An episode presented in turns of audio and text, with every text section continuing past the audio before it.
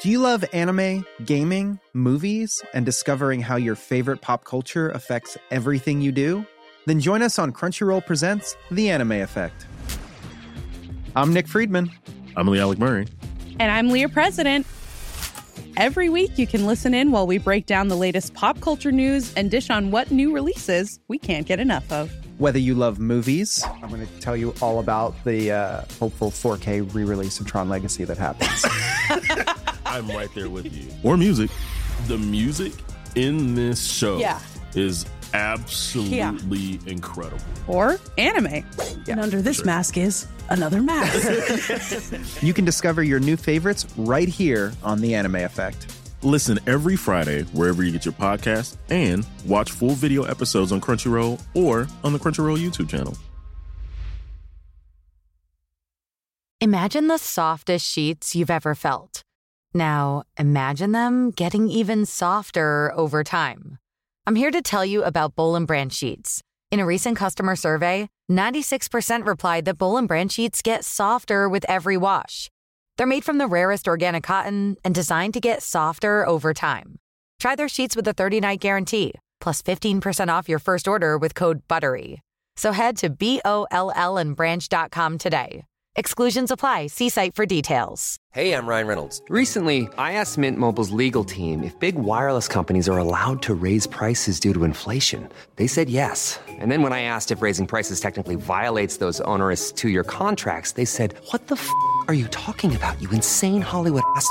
So to recap, we're cutting the price of Mint Unlimited from $30 a month to just $15 a month. Give it a try at mintmobile.com slash switch. $45 upfront for three months plus taxes and fees. Promo rate for new customers for limited time. Unlimited more than 40 gigabytes per month. Slows. Full terms at mintmobile.com. Ridsportpodden i samarbete med Trailer Import. Vill du att din häst ska åka säkert? Vill du att din tävlingshäst ska komma fram till arenan utvilad? Då ska du vända dig till Trailer Import och V4 Williams. Det är vi som har Europas bästa hästtransport. Det är våra transporter som har riktig bladfjädring. Det bästa sättet att ge din älskling en skön och komfortabel färd dit ni ska åka. Ifo Williams har återförsäljare runt om hela Sverige. Gå in på trailerimport.se redan idag och leta upp din närmsta Ifo Williams försäljare. Trailerimport.se för din skull. Hjärtligt välkomna dag tre Sweden International Horse Show och eh, Hed Jonsson. Det är som vanligt sådär mycket folk, bra sål, mycket hästar och när det är lördag så börjar det dra ihop sig. Det är det som känns som den stora dagen. Linda Hed, dina ridminnen ifrån denna tävlingen, Globen inkluderad på den tiden när det hette Stockholm International Horse Show. När du får upp en runda, vilken, varför? Måste jag välja en? Nej, du får välja mindre än tio.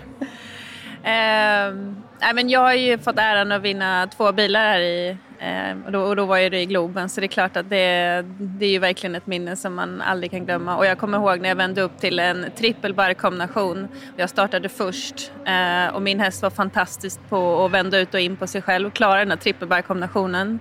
Sen satte jag ribban klassen. Eh, det var ingen annan som vågade. Och det blev nog ganska tråkigt för publiken men det var väldigt roligt för mig. Var stod du när de andra red? Höll du din mamma i handen?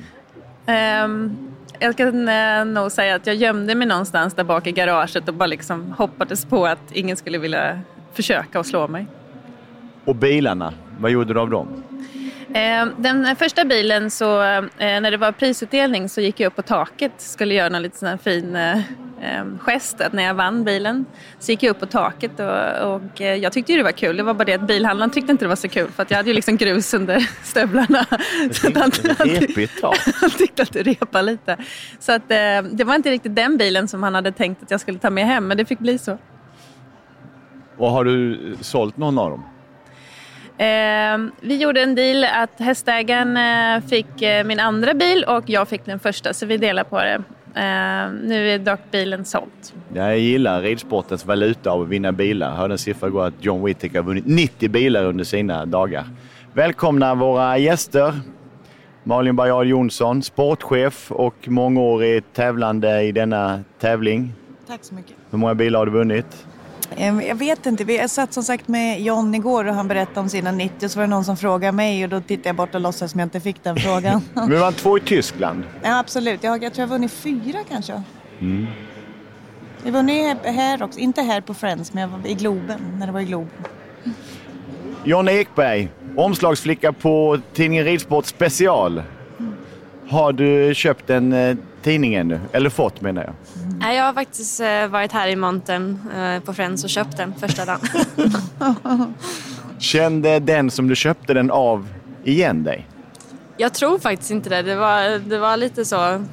Det kändes lite konstigt att gå fram och köpa när man själv är på omslaget. Men eh, nej, jag, jag tror inte att hon såg att det var jag. Det är inte så, så att du har skaffat en spritpenna och går runt och skriver lite autografer? Nej, Sådär jag, knackar folk jag, på axeln? Nej, jag har inte gjort det, men det kanske är en bra idé. Har du hunnit vunna, vinna några bilar? Då säger jag hunnit i bemärkelsen att din professionella karriär på högsta nivå inte är så lång ännu. Nej, jag har ju vunnit en bil i alla fall. Jag vann ju här förra året på Friends, så vann jag den eh, mastershoppningen. Det var häftigt. Du har fina resultat i Sverige, Göteborg och sen så här förra året. Men du bor inte här, du bor i Belgien. Eh, ja, jag bor i Belgien. Jag bor precis utanför Bryssel. Jag har gjort i, eh, eller ja, jag har varit eh, utomlands nu i sex år, ganska så exakt. Men eh, det är alltid väldigt roligt att komma tillbaka hit. För man är extra taggad när man kommer till Sverige. Är det att komma hem? Eller är det att åka bort till ett ställe där alla tror att du är hemma? Eh, nej, men att komma hit känns lite som att komma hem, komma till Stockholm. Det, eller jag är från Linköping så det är ju inte jättenära men det är i alla fall lite det området jag kommer ifrån och jag har mycket kompisar som bor här och min familj kommer alltid upp hit och sådär. Men eh, så Stockholm är nog min, min favorittävling. Ja, för vi tänkte börja i, i Östergötland. Vi bor ju i Norrköping, Malin och jag och Linda bor ju nästan i Östergötland. Sörmland, va? Men Hon vad kanske är... önskar hon bodde i Östergötland. Ja. Ja, vi börjar ju fundera på det om man måste liksom komma från Östergötland för att kunna nå elittoppen. Tänker ju Helena Lundbäck passar ju också in där. Kommer ju också från Norrköping och så ni två från Östergötland. Men sen var vi ju inte så många fler. ja, men jag vet när jag flyttade till, eh, till Norrköping så var jag så förvånad över att tidningen Ridsport fanns på Statoil. Att det förväntades vara en tidning som man köper när man åker förbi och tankar. Var, var finns kulturen som gör att det är en hästregion? Det är ju det är en väldigt häst, ett hästigt län, absolut. Norrköping är jättehästigt. Och är fortfarande med stora tävlingar. Vi hade ju dessutom stora internationella tävlingar för hundra år sedan, höll jag på att säga, men på 80-talet med Norrköping Horse Show. Ja, just det. Mm. Som var jättestort. De flesta åkte ju då, hela världseliten kom ju dit på väg från Oslo på väg till Helsingfors. Så den, här, den låg ju mitt emellan de två, vilket var väldigt, väldigt bra. En liten sidospår. På 80-talet var du ju eh, flicka. Vems autograf tog du då? John Whittaker var alltid favoriten, Ja. absolut. Men jag fick faktiskt lov att rida där ett par gånger också. Aha. Så, så Ja, de hade ju ponny och häst samtidigt Ja, där. men man fick rida vara med i någon Mm. stafett och någon knockout. Så det, där fick jag vara med. Jag tänker Jonna, alltså, har du sett upp till Malin när du var yngre? Att, att du ville komma upp i toppen på grund av att hon, hon var i rampljuset? Ja, det är klart eftersom vi kommer ju från lite samma område så det var ju liksom Malin och Helena som, ja, men som har varit i toppsporten länge och som man såg upp till mycket. Och jag började ju rida på Linköpings ridskola och har ridit för Linköpings fältridsklubb och det har väl du gjort länge också va?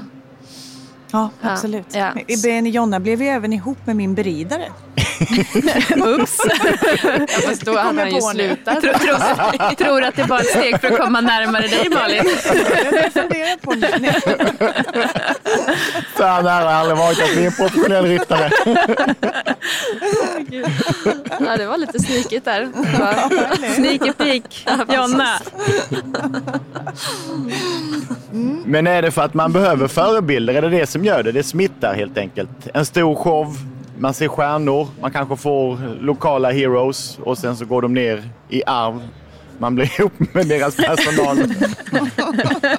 Men att det är förebilderna som driver. Vad har ni för förebilder i Sörmland? Södra, södra, södra Stockholm.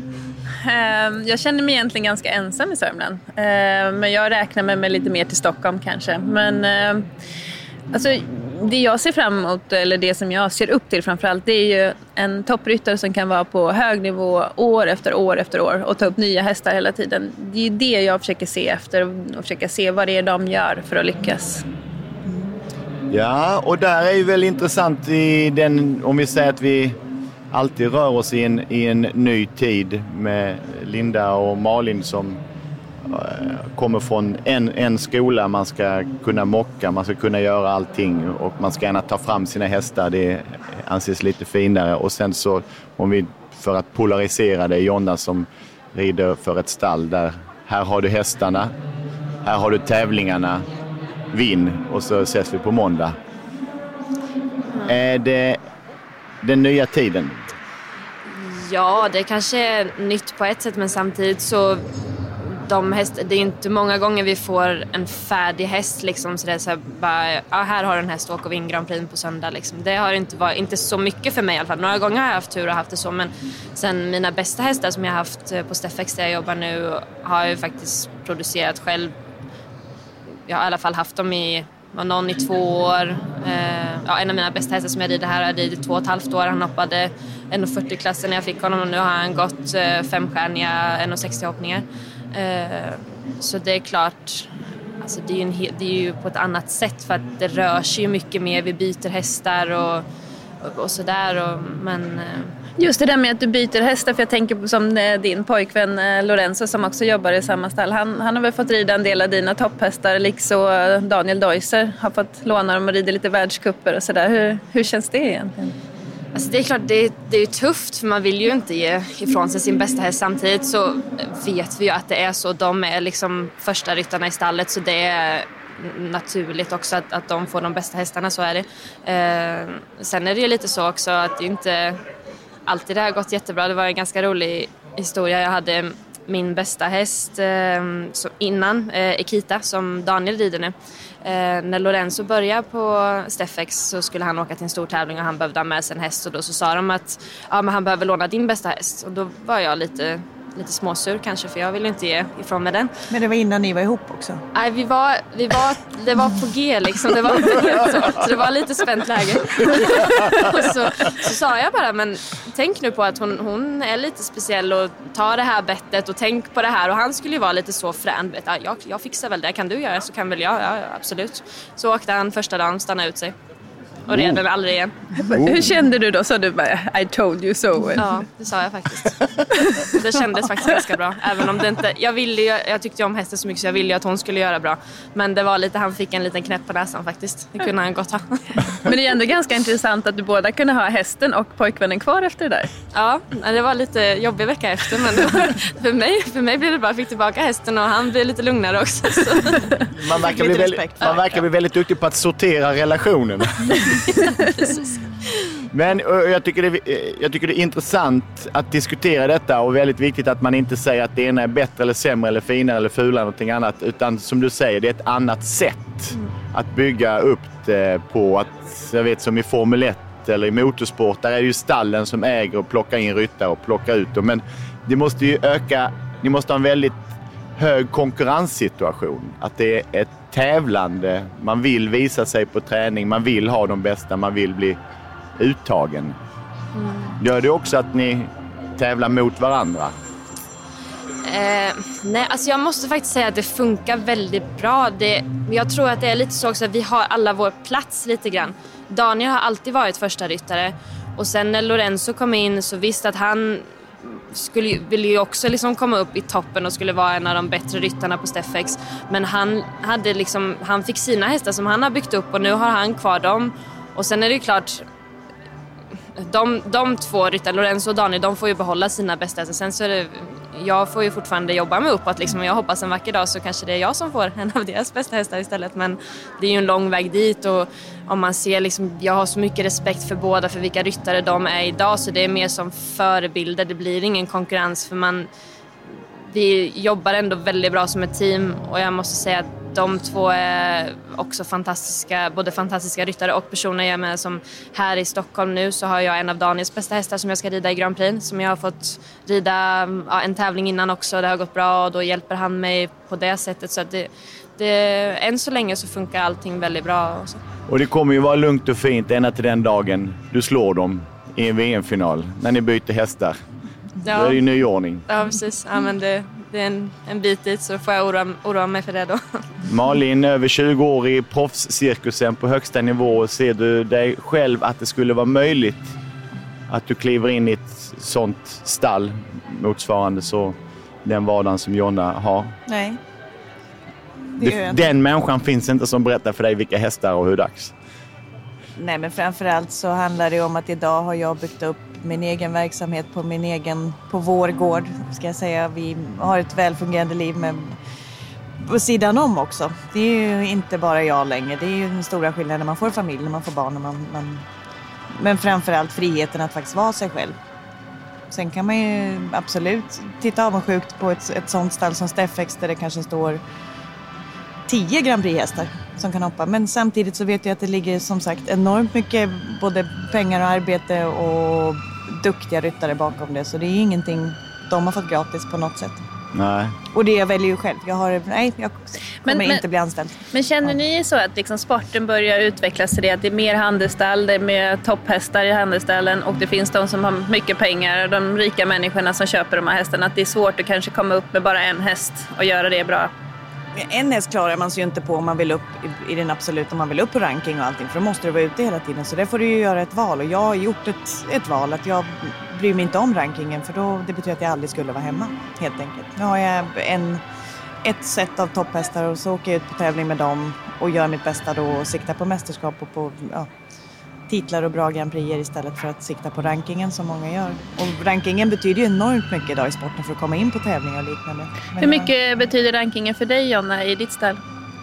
Ehm, jo, men för mig så betyder det ju ändå Ja men ganska mycket skulle jag väl säga. Det är väl något vi jobbar för, liksom att klättra på rankingen just för att det är mycket lättare att komma in på, på tävling. Så sen ja, just nu, jag, vad, var ligger jag nu? Runt 200 eller något sånt på rankingen så det kommer ju inte, det hjälper ju egentligen ingenting men om man kan liksom jobba sig in i topp 100 eller så då är det klart att då börjar det ju ändras lite men det är ju det också, jag, jag tävlar ju precis varenda helg. Även om jag inte tävlar femstjärnigt varje helg så är jag ju någonstans på en internationell tävling så det är klart att vi försöker ju plocka poäng lite här och där och sådär. Men känner du att du skulle vilja gå över mer som Malin gör också och kunna ha en familj och ha ett eget stall? Eller känner du som att om jag ska bli någonstans någon bra ryttare i världen, det är det här jag kommer göra resten av mitt liv?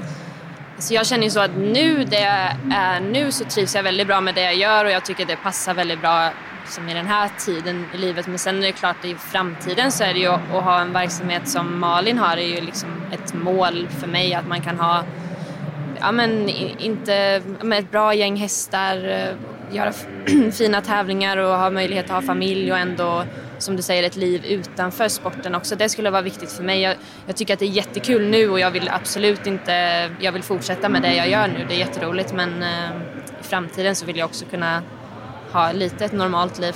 Inte bara bo med min resväska fram och tillbaka. Vad tror du Linda? Kommer det att, om vi säger 10-15 år fram i tiden, är det möjligt att man börjar utbilda ryttare på andra sätt för att man ska kunna vara en som kan byta hästar snabbt eller man ska kunna vara en som extremt tävlar eller kanske inte utbildar ryttare men det blir olika sorters idrottsmän och kvinnor. Att det kommer att bli skillnad. Nej, alltså jag tror inte det riktigt. Eh, alltså om man tittar då på Jonna till exempel som jobbar i ett tävlingsstall. Hon får rida olika typer av hästar hela tiden och det är ju i och för sig en utbildning i sig att man lär sig rida många typer av olika hästar. Eh, men, men jag har ju funderat mycket på det här att man ser att de, de duktiga ryttarna kanske har svårt att, att driva runt det själv och det slutar med att de blir tränare eh, till yngre och eh, att det kanske mer är lite mer åt det rikemanssporten eh, och att de duktiga ryttarna håller sig som tränare istället. Det, är- jag är lite rädd för att det kanske blir åt, åt det Men hållet. samtidigt om man tittar så i den absoluta toppen så är det fortfarande arbetarungar som är. Och det är de absolut bästa ryttarna. I toppen så har du ju inga, inga rikemansungar fortfarande. Faktiskt, om du tittar på rankingen så är det ju det är Ening och gänget som inte har. Sen har de byggt upp en verksamhet som bygger på bra hästar men det är ju en lång, långvarigt Det är ett samarbete resultat med, av deras arbete. Ja, precis. Och av deras kunskap. Likadant Scott Brash och de, den Mm. yngre gänget som faktiskt jobbat upp med, jobbar med hästägare och de har visat vad de kan och de Mm. har liksom... Och det är det man räcker försöker- ju inte bara att vara en bra ryttare idag. Du måste kunna värna om hästägare och sponsorer och allting för att faktiskt få det att funka. Mm. Men i slutändan så om man ser på rankingen så är det de absolut bästa som är där uppe. Och det är det man hoppas att det kan förbli så. Men jag är lite rädd för att det kanske blir nästa generation att det försvinner. Tror ni att det kommer att bli förändring i organisationen? Det vill säga att, nu får du prata lite Malin här, så här var det förr i tiden, så här är det nu, nu för tiden. Eh, att, Linda är nästan lika gammal ja absolut, Linda, Linda hänger på här. Men att säga att, att 2016 då måste du ha din kostrådgivare, din PT, din manager, din business lawyer. Du måste bygga upp det här teamet runt om dig för att komma kunna överleva allting, ta hand om alla, bevaka dina rättigheter, det är sociala medier och så vidare. När du bodde hos eh, John Whittaker så gjorde inte han många Insta-inlägg. Det finns ju ett fantastiskt reportage när han i ridhuset rider fram med en cigg och svarar i en väggtelefon som, som sitter i väggen. Hopp, hopp, hopp. Och så, så hänger han upp den och så fortsätter han och rider. Det var hans sociala mediekontakter. Eller så pratar han med frun. Det är rätt så intressant för jag vet att Lisen någon gång sa mina hästar stannar när det ringer i min telefon. Men det var ju även så att när det ringde i Johns telefon på väggen då sprang hästarna bort i väggen och stannade. så det, det, ja, det är ungefär samma. Det är för övrigt fantastiskt i den här um, guldläge dokumentären om Peder och Lisen och Linn som finns på SVT Play när uh, Peder frågar lille Bill vad jobbar pappa med? Och så ställer han sig med händerna fram och rid, rider. Vad jobbar mamma med? Då tar han upp handen mot örat. Men tror du att det kommer krävas mer organisationer eller är det stor skillnad från när du började till As a person with a very deep voice, I'm hired all the time for advertising campaigns. But a deep voice doesn't sell B2B, and advertising on the wrong platform doesn't sell B2B either. That's why, if you're a B2B marketer, you should use LinkedIn ads. LinkedIn has the targeting capabilities to help you reach the world's largest professional audience. That's right, over 70 million decision makers all in one place. All the big wigs, then medium wigs, also small wigs who are on the path to becoming big wigs. Okay, that's enough about wigs. LinkedIn ads allows you to focus on getting your B2B message to the right people. So, does that mean you should use ads on LinkedIn instead of hiring me, the man with the deepest voice in the world? Yes. Yes, it does. Get started today and see why LinkedIn is the place to be to be. We'll even give you a $100 credit on your next campaign. Go to linkedin.com slash results to claim your credit. That's linkedin.com slash results. Terms and conditions apply. If you're looking for plump lips that last, you need to know about Juvederm lip fillers. With Juvederm Volbella XC and Juvederm Ultra XC, your lip look, whether it's subtle or bold, can last up to one full year with optimal treatment and no additional maintenance. Find a licensed specialist and see if it's right for you at juvederm.com today. That's J U V E D E R M.com. Add fullness to lips in adults over 21 with Juvederm Volbella XC or Juvederm Ultra XC. Do not use if you have severe allergies or a history of severe allergic reactions, or if you're allergic to lidocaine or the proteins used in Juvederm. Tell your doctor if you have a history of scarring or taking medicines that decrease the body's immune response or that can prolong bleeding. Common side effects include injection site redness, swelling, pain, tenderness, firmness, lumps, bumps, bruising, discoloration, or itching. As with all fillers, there's a rare risk of unintentional injection into a blood vessel, which can cause vision abnormalities, blindness, stroke, temporary scabs, or scarring. For full important safety information, visit juvederm.com. Imagine the softest sheets you've ever felt. Now, imagine them getting even softer over time. I'm here to tell you about Bowl and Branch sheets. In a recent customer survey, 96% replied that Bowl and Branch sheets get softer with every wash. They're made from the rarest organic cotton and designed to get softer over time. Try their sheets with a 30-night guarantee, plus 15% off your first order with code BUTTERY. So head to B-O-L-L and branch.com today.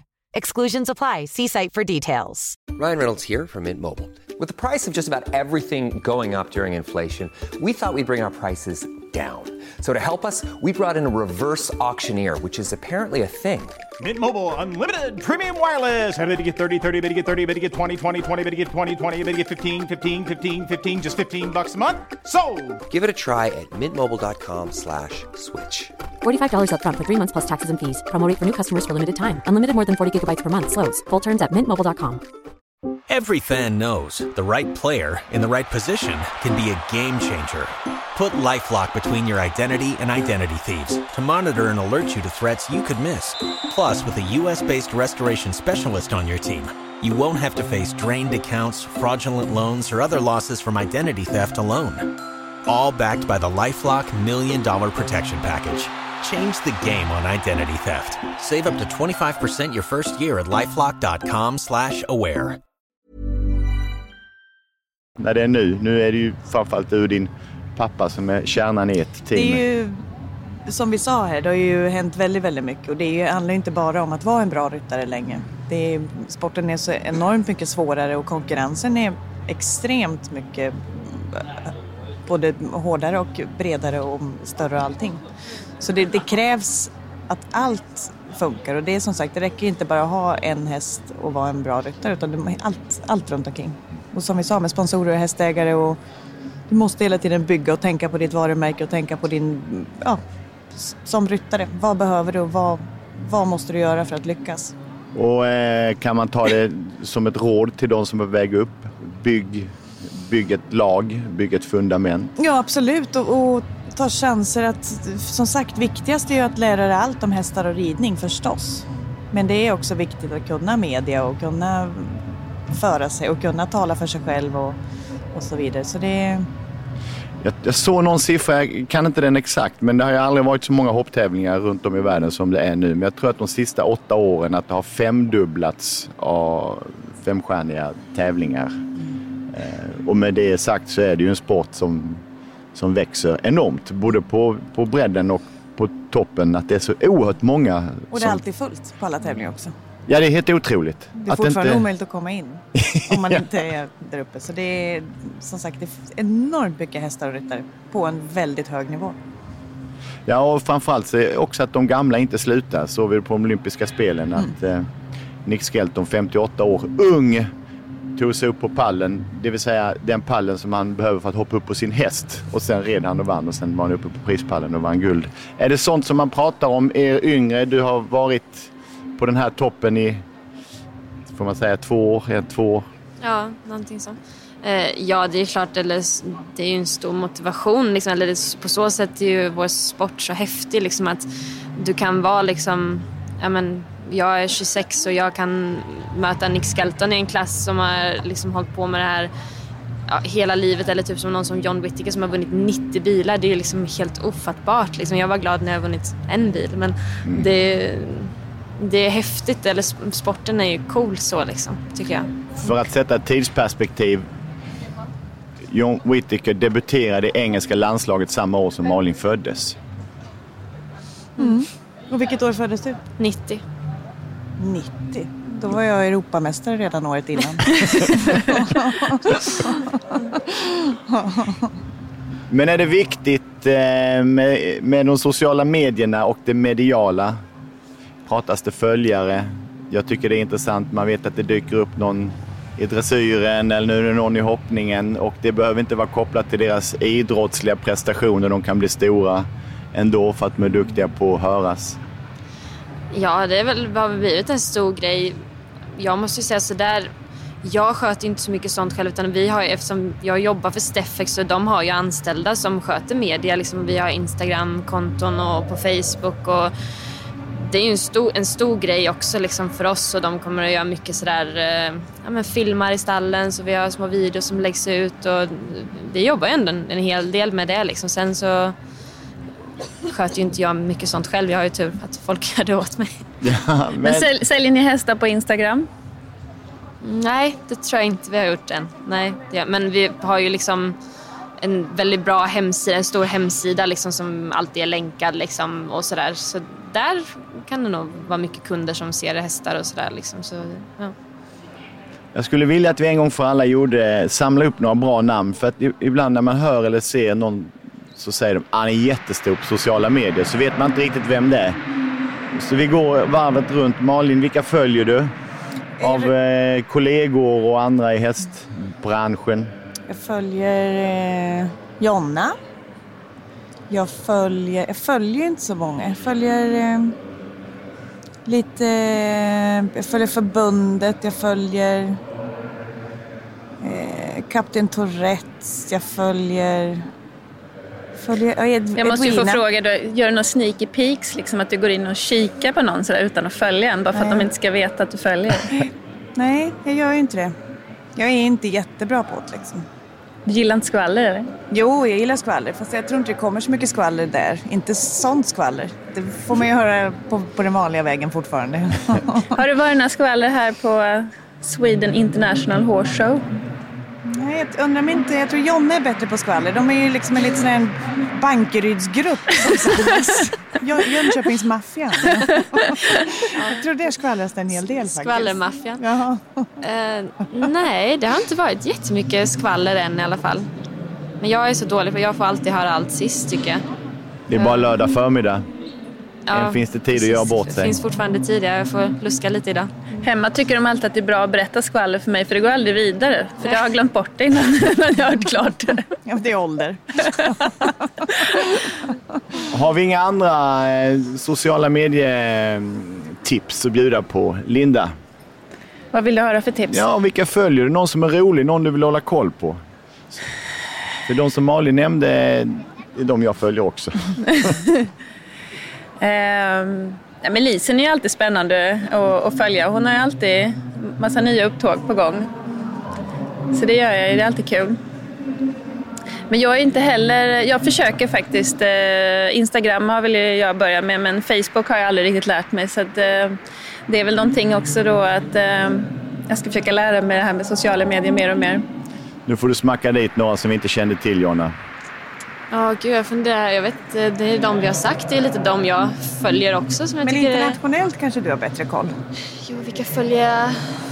Är det ingen som är extra rolig av ryttarna som man inte kunde... Vem kan det vara? Vilka följer jag? Jag följer ju Daniel Deuser, följer jag, men han är inte jätterolig om jag ska vara helt ärlig. Eh, vem följer jag mer? Jag följer hans fru. Ja, hon, ja, det gör jag också faktiskt. Ja, Caroline Wouters. Eh, jag Och det följer... får man ju lite inblick i, i Daniels... Ja, det får man faktiskt. Eh, Är det för att du menar att du får, då får du verkligen veta liksom hans personliga jag, inte bara på hästarna? Nej, eller? men det är inte alla som sagt, som hon säger, Daniel är inte jätterolig och jättebra. Han kanske missar vissa grejer. Hon gör det lite mer sådär på hjärtat. Han vann. Ja, men hon, det, hon, det, det är Ja. bra. Mm. Nej, men det kanske är, men det är samma sak som jag följer också Lisen. Jag tycker det är roligt att se Lisen. Det kanske är bättre att följa flickvännerna eller fruarna istället Ja, men det- det är nog mitt tips Henrik också. efter följare här. Ja, verkligen. Ja, men en, en flickvänsföljare som är ljuvlig nu, han det om fotboll, det är ju Viktor eh, eh, Victor Nilsson Lagerlöf, fotbollsspelaren, backen, som eh, vår nästa stora stjärna och har en tjej som är fantastiskt rolig. Lindelöf, förlåt ja. Titta, kommer jag med lite fotboll här. Mycket bra sagt. Kunskap. Mm. Eh, eh, VNL som man kallas för. Men eh, då får man just den andra sidan, ett foto på ett dopingprov i köket. Vilket då är kiss i en burk. Mm. God frukost. Eh, att det är lättare att förhålla sig därifrån. Ja, bra tips. Vad har vi för eh, minnen och vad har vi förhoppningar om det som är kvar av helgen? Det är ungefär halvtid. Det är roligt när du frågar Linda om, om hennes runda hon kommer ihåg. Just den rundan hon pratade om kommer till och med jag ihåg. För den var, man tittar ju väldigt ofta på första rytten i en klass, vare sig man startar tvåa eller startar sist. Så första rytten är ofta den man tittar på. Och jag kommer ihåg när du red den rundan, den var så perfekt. Och jag sa det, det där går inte att slå. Och det var, det var absolut folk som försökte. Ja. De alla försökte ju, mer eller mindre. Det var ju några som kraschade i början, det var väl därför de slutade att försöka sen. Men jag kom så väl ihåg, för vi gick banan och sen är det ju ibland då när det är de här äh, matinéerna och sånt och så är det några showinslag i början ehm, och så bygger de ju bort hindren. Och jag visste när jag gick banan att ska jag vinna så måste jag ta de här chansningarna. Och jag var så jäkla nervös och jag brukar inte bli nervös men jag var så nervös för att jag måste göra någonting som jag inte kan egentligen. Och sen, då har man ju då en stund att fundera på det där. Jag hade säkert en timme. Och ju mer tiden gick ju mer nervös var jag. Och så när jag gick in och liksom får de här framåtlägena i varje sväng. Jag gjorde den här omöjliga svängen till trippelbärn, hoppade snett på ett par hinder. Och när man får till den, alltså det är en sån adrenalinkänsla. Det är en sån känsla som, det går inte att förklara för någon. Och det är som du säger, det är sånt som man kommer ihåg hela livet. Behöver inte ens se filmen, jag kommer ihåg varenda hinder, varenda sväng. Har du någon sån runda Malin? Härifrån? Ja, jag har nog, jag har nog ganska många. Tamina var ju med i alla år som hon tävlade. Hon var säkert med i tio år i Globen och vann minst en klass varje år. Så det var ju minst en gång varje år så fick jag till en sån runda med henne. Men det var ju hon, det var ju hennes specialitet. Mm. Eller vår specialitet ska jag säga. Det gjorde vi ändå ihop. Och hon var ju fantastisk att rida fort på. Där, det var roligt. Det är ju väldigt roligt att ha en sån häst. Som är snabb och som man vet att man kan ta de här riskerna. Och för det mesta på henne, nu gick inte hon det största heller, men för det mesta på henne så gick det vägen. Och det, är- det är häftigt när man, när man går i mål och känner att nej men det där, det där blir svårt. Det är den hästen du har vunnit mest med. Ja, just tidshoppningar. Hur mycket kan sånt smitta mentalt? Att du har en häst som du vet att när vi kör så går vi för att vinna och vi vinner väldigt ofta. Kan man få med sig den känslan till andra hästar så att du kommer med ett, ett vinnarsätt? Nu gör vi detta för att vinna, inte för att känna oss för. Jag tror framförallt så är det väldigt viktigt att ha en snabb häst i stallet för din ridnings skull. För att vara inne i, inne i det snabba. Veta att har du ingen snabb häst, då, då är du ingen snabb ryttare. Det går ganska snabbt att tappa det snabba. Tappa, som vi säger, flytet ur svängar och svänga upp och hitta lägena. Och du måste ha en snabb häst i stallet för att själv behålla den, den ridningen. Och det det- absolut smittar av sig på nästa häst. För då har, det sitter i liksom. Och då, då vågar du göra saker på hästar för det sitter i din ridning och då är det inga problem att göra på en häst som kanske inte är så snabb egentligen. tänker vi har ett jättebra exempel med Helena Persson när hon fick Jaja Mila in i stallet. Eh, och det är också den hästen som Henrik von Eckermann har nu. Men det är också en väldigt snabb häst som hade vunnit väldigt mycket med Niklas Arvidsson innan. Eh, när hon fick in den i stallet, det var ju då också Bonsai började vinna så mycket och började kunna rida rätt fort med Bonsai som har varit en ganska stor och långsam häst innan. Och helt plötsligt kunde hon vinna ganska lätt över många av de bästa ryttarna. Det är ju väldigt intressant för det handlar om att ryttaren ska ju komma in i ett, ett tempo, Verkligen. en takt. Det är ju vi som styr farten trots allt och Ja. vägen. Ja. Så man kan, det, är, det är många som skyller på att man har en långsam häst och så vidare. Men det finns väldigt många långsamma hästar som har blivit väldigt snabba tack vare ryttaren. Men då borde man kunna ha nästan som en motionscykel fast en häst man sitter upp på innan för att hitta rytmen så kan man digitalt ställa in sig på... Nu var vi där igen att du kanske skulle ta lite ridlektioner. Ni kan skratta åt mig, ni kan skratta åt mig, men går man först? Det fanns en som sa att jorden var rund en gång och blev hånad. Mm. Har du några Stockholm Sweden Horse Show moments? Jag tror jag vet vilket det är. Dina är inte så många. Med all respekt. jag har ju bara ridit här ett år, så det var ju förra året. Eh, Men det var, det var verkligen häftigt. Det är nog ett sånt, eh, en sån dag som jag aldrig kommer glömma. Jag, när jag vann på söndagen där. Ehm, Nej, det, var, det var riktigt häftigt. Var det. det var fullt med folk och publiken här är helt fantastisk. Och det var verkligen spännande, liksom det upplägget med mastern. Och, Ja, det var verkligen ja, det var riktigt bra. Vi hoppade fram. De flyttade framhoppningen in till arenan så vi var ju där hela tiden. Och sen omhoppningen så jag förväntade mig faktiskt inte att Olivier skulle vara så snabb. För han hade ju, som vi sa, en långsam häst, men han är ju snabb ryttare. Och jag tänkte där, och min häst är naturligt väldigt snabb, men när han gjorde sin runda så tänkte jag, ja nu får jag speeda upp om jag ska slå det där. Så det var, att gå in och göra det, det var något speciellt. Jag får rysningar på hela kroppen bara när du Ja, berättar för jag kommer ihåg det här så Nej, jag väl. kommer också ihåg det och jag uppskattar också så mycket att du som atlet och utövare kan njuta av, av stunden och eh, ögonblicken. För idrott är ju ögonblick. Ja. Det är ju det som blir minnen. Det är ju väldigt lång väg dit, men det man kommer ihåg. Vågar vi snabbt spekulera lite grann i hur det kommer att gå? Vilka ser heta ut och, och bra ut? John Whittaker vann ju igår självfallet. Så han Ja, han är ju extremt het med den hästen. Det är ju ett ekipage som är... Det är därför man rysningar och gåshud och se dem hoppa runt. Det är helt fantastiskt. De har ju vunnit extremt mycket också de sista två åren. Och eh, han, han kommer vara fortsatt farlig, helt klart. Sen har vi ju Butchi med sin Casallo. Ja, Som är, jag tror på söndag kommer att vara jättefarlig också. Han känns lite smygande så här långt. Han, han, är, han är smygandes. Men Han det gjorde är... ju en ganska easy warm-up på den igår också. Nej, men han har ju en plan att som sagt ta hem något senare i veckan. Mm. Planen var inte att vinna igår. Gaudiano kommer säkert fara runt och slå oss allihop några sekunder igen. Det det Ibland ligger bommen kvar, ibland ligger den inte kvar. Nej, ibland sitter ryttaren kvar, ibland sitter han inte Men som publik är det ju fantastiskt. Ja, jag och han är helt makalös. Det är, Man förstår är inte att det går. Häftigt, nej, men det är häftigt att se och det är en extrem stil han har. Och det är, men han gör, det, han gör det väldigt bra. Han är ändå högt rankad och skördar framgångar överallt hela tiden. O, omöjlig att slå när han får till det. För att han tar, han tar risker som in, ingen annan någonsin tar. Mm. Han är ju smått galen. Ja, Det är helt otroligt vilken motivation han har att vinna varje klass. Det tycker jag är helt beundransvärt. För det är klart att man alltid vill vinna men han är så här, han går in, ja, inte med livet som insats men alltså Nej, men han, nästan han, på. Ja, nästan. Han, vill, han bara ska vinna allting. Varenda klass. Och han tävlar ju säkert 50 helger om året. Men jag tycker det är så kul hur hästarna anpassar sig också. Alltså, de, de, de vill ju lika mycket som honom att komma över. Mm. Men det är väl också, han ser väl till att hitta hästar, som vi alla, vi försöker Mm. söka hästar som passar oss. Och han har ju en typ, viss typ av häst och sen är han ju bra på att stuka till dem också. Ja. Jag vet som den grå har han ju kämpat med länge, den har ju inte varit rätt. Hans Kaspar heter Kaspar, ja. Han. Det har, det har ju varit en lång resa och en tuff resa men det börjar ju liksom... Och Bertram Allen har väl eh, otur, är väl, vi kan kalla det lite otur. Han har Mm. gått för det men har inte hållit. Precis, Bertram gick ut lika hårt i år som jag gjorde förra året. Förra året så satt det ju direkt. Ja. Nu är han lite svajer, får vi se. Det är, det är alltid intressant. Börjar man en helg bra så brukar man ju ofta fortsätta helgen bra. Börjar man lite som han som igår som var i vinnarhålet men det blev helt fel på näst sista och även sista sen också. Ja, man har Det ibland sagt att riva, riva allt på ett hinder är en strike. Men han gjorde en spärr. Han rev så gott som hela näst sista, så tog han hela sista. Det som var kvar.